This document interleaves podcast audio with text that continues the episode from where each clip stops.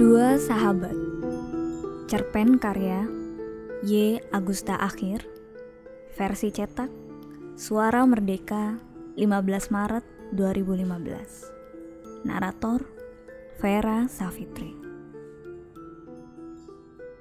Ia tampak lebih kurus ketika dia mengunjunginya. Kunjungan untuk kesekian dan tampaknya tak akan ada lagi setelah ini. Pendeknya, ini akan menjadi pertemuan terakhir bagi mereka. Bersisirlah, ucap dia sembari mengulurkan sebuah sisir kepadanya. Rapikan rambutmu, kawan.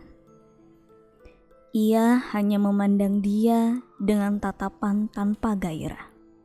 Lalu katanya dengan nada yang amat pelan, nyaris tak terdengar. Apakah masih perlu? Dia hanya tersenyum dan mengulangi ucapannya dengan setengah memohon. Ayolah, Tuhan pun pasti akan tersenyum. Bahkan ketika hidupku tinggal beberapa hari lagi. Dia mengangguk masih tetap menyunggingkan senyum. Entah karena gurauan itu atau dorongan lain, ia akhirnya mengambil sisir itu dari dia. Ia mulai merapikan rambutnya tanpa bercermin, karena ruangan itu tak ada cermin. Tapi ia bisa merasakan rambutnya yang kusut dan kumal. Ia sampai lupa kapan terakhir mengeramasi rambutnya.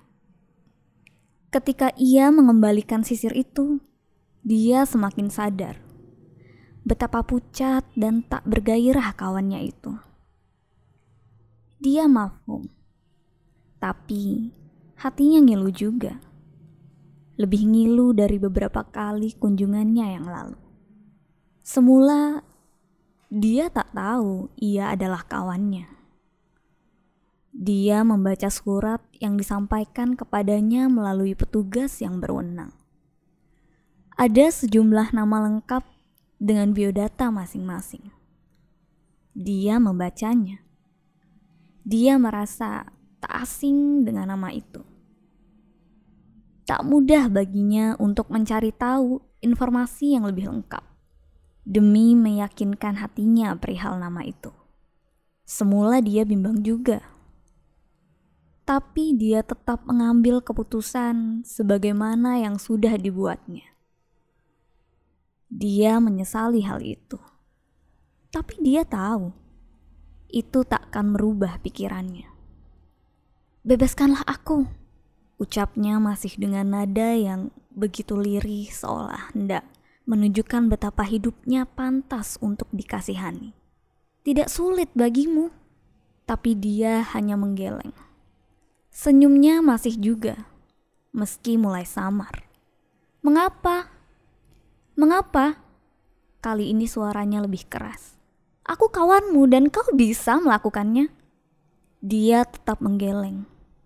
Kali ini tanpa senyum. Tapi wajahnya tak menyeratkan apa pun. Datar.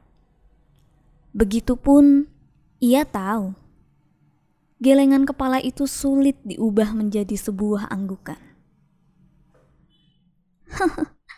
Jadi untuk apa kau datang kemari, ha? Tentu saja untuk menengok kawanku. Ya, tentu saja begitu. Sebelum sebutir peluru menembus jantungku beberapa hari lagi. Hah? Keduanya kemudian saling diam. Membuat ruang berjeruji itu begitu senyap. Dia melihat jam di pergelangan tangan. Masih ada waktu, batinnya. Hah, tak kusangka. Ia membuka suara lagi. Kali ini dengan nada yang terdengar lebih santai dan akrab. Kita bertemu dengan cara seperti ini. Kita masih saling menerima sebagai sepasang sahabat kalau dipikir. Aneh juga ya. Dia tak menyahut. Hanya menatap lelaki di hadapannya itu dengan rasa sedih yang disembunyikan jauh di dalam lubuk hatinya. Dan sampai saat ini, kita masih berada di jalan yang berseberangan. Ia kemudian mengingatkan kembali kepada dia tentang masa-masa kecil mereka dulu. Ia mulai cerita dengan suaranya yang bahkan dinding di ruangan sempit itu tak sanggup membuatnya bergema. Masih ingat Pak Wimbo? Dia mengernyitkan dahi. Gemuk dan galak, mirip anjingnya. Dan kau saat itu memanjat pohon mangganya. Hah, anjing dan tuannya tak ada bedanya. Aku melihat lelaki tambun itu keluar dengan sebuah tongkat setelah anjing piaraannya itu menyalak-nyalak. Untung saja dirantai, kalau tidak binatang itu pasti menungguimu di bawah. Dan sulit dibayangkan tubuhmu yang ceking jadi bulan-bulanan orang tua itu atau barangkali dicabik gigi anjingnya. Tapi tetap saja aku terjatuh Kau melihat kakiku berdarah kan? Sampai sekarang bekasnya masih ada. Tapi kau masih bisa berlari. Ia diam sejenak. Terlintas di pelupuk matanya. Bagaimana saat itu ia tersentak kaget mendengar orang tua itu meneriakinya maling sembari mengacung-acungkan tongkatnya. Dan Betapa ia ketakutan ketika tahu orang tua itu dengan tergopoh mendekati pohon mangga yang ia panjat. Barangkali saking gugupnya, ketika ia buru-buru turun, malah terjatuh.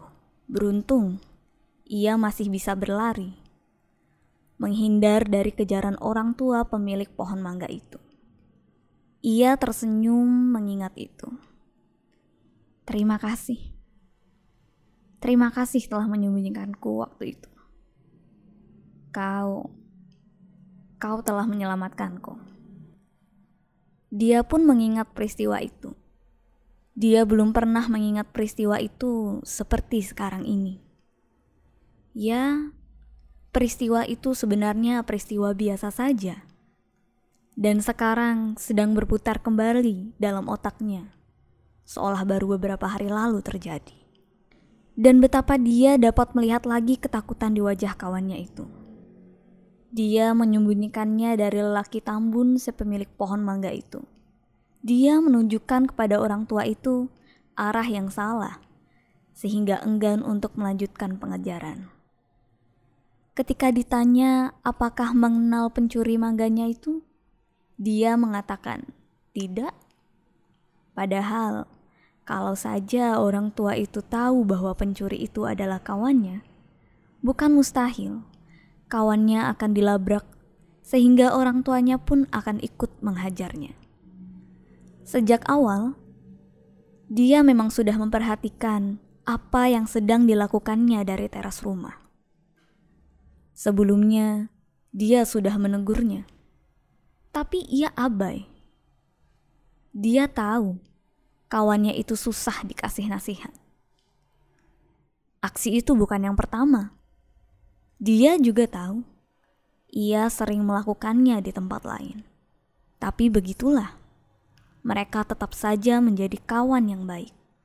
Banyak juga yang heran. Karena itulah, mereka menjuluki keduanya sebagai sepasang kawan ajaib. Setelah lulus sekolah menengah, Keduanya nyaris tak pernah bertemu, tapi dia sesekali masih mendengar kabarnya.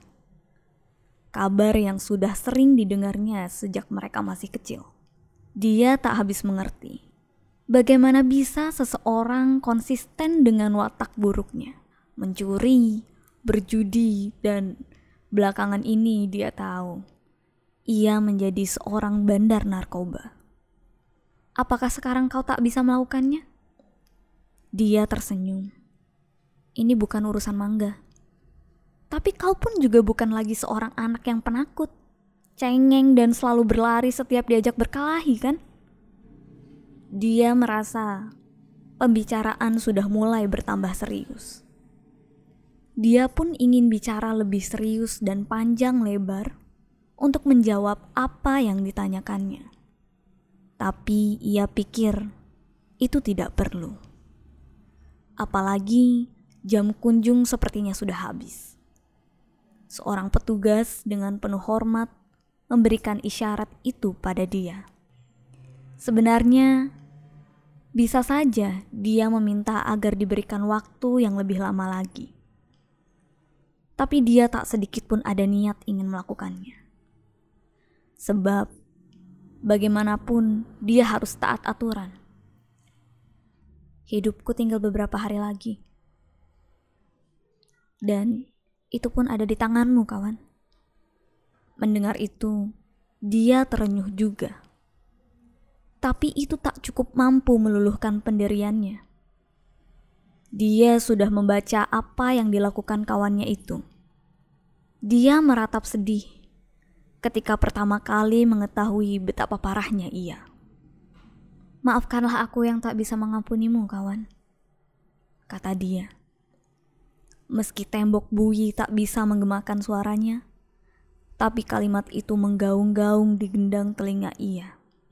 Dan betapa hati ia serasa remuk, tapi ia segera menyadari berkat naluri persahabatannya, tak mungkin memaksa dia. Diam-diam, ia kagum pada dia. Rasa kagum yang belum pernah dirasakannya meskipun ia mengenal dia sejak kecil. Barangkali inilah saatnya aku membalas kebaikannya saat dia menolongku dari kejaran si pelit itu.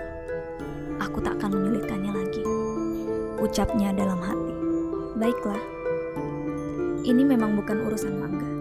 Saat itu, terdengar beberapa suara langkah mendekat. Ia bisa menerka. Mereka pasti para sipir. Tapi ternyata salah.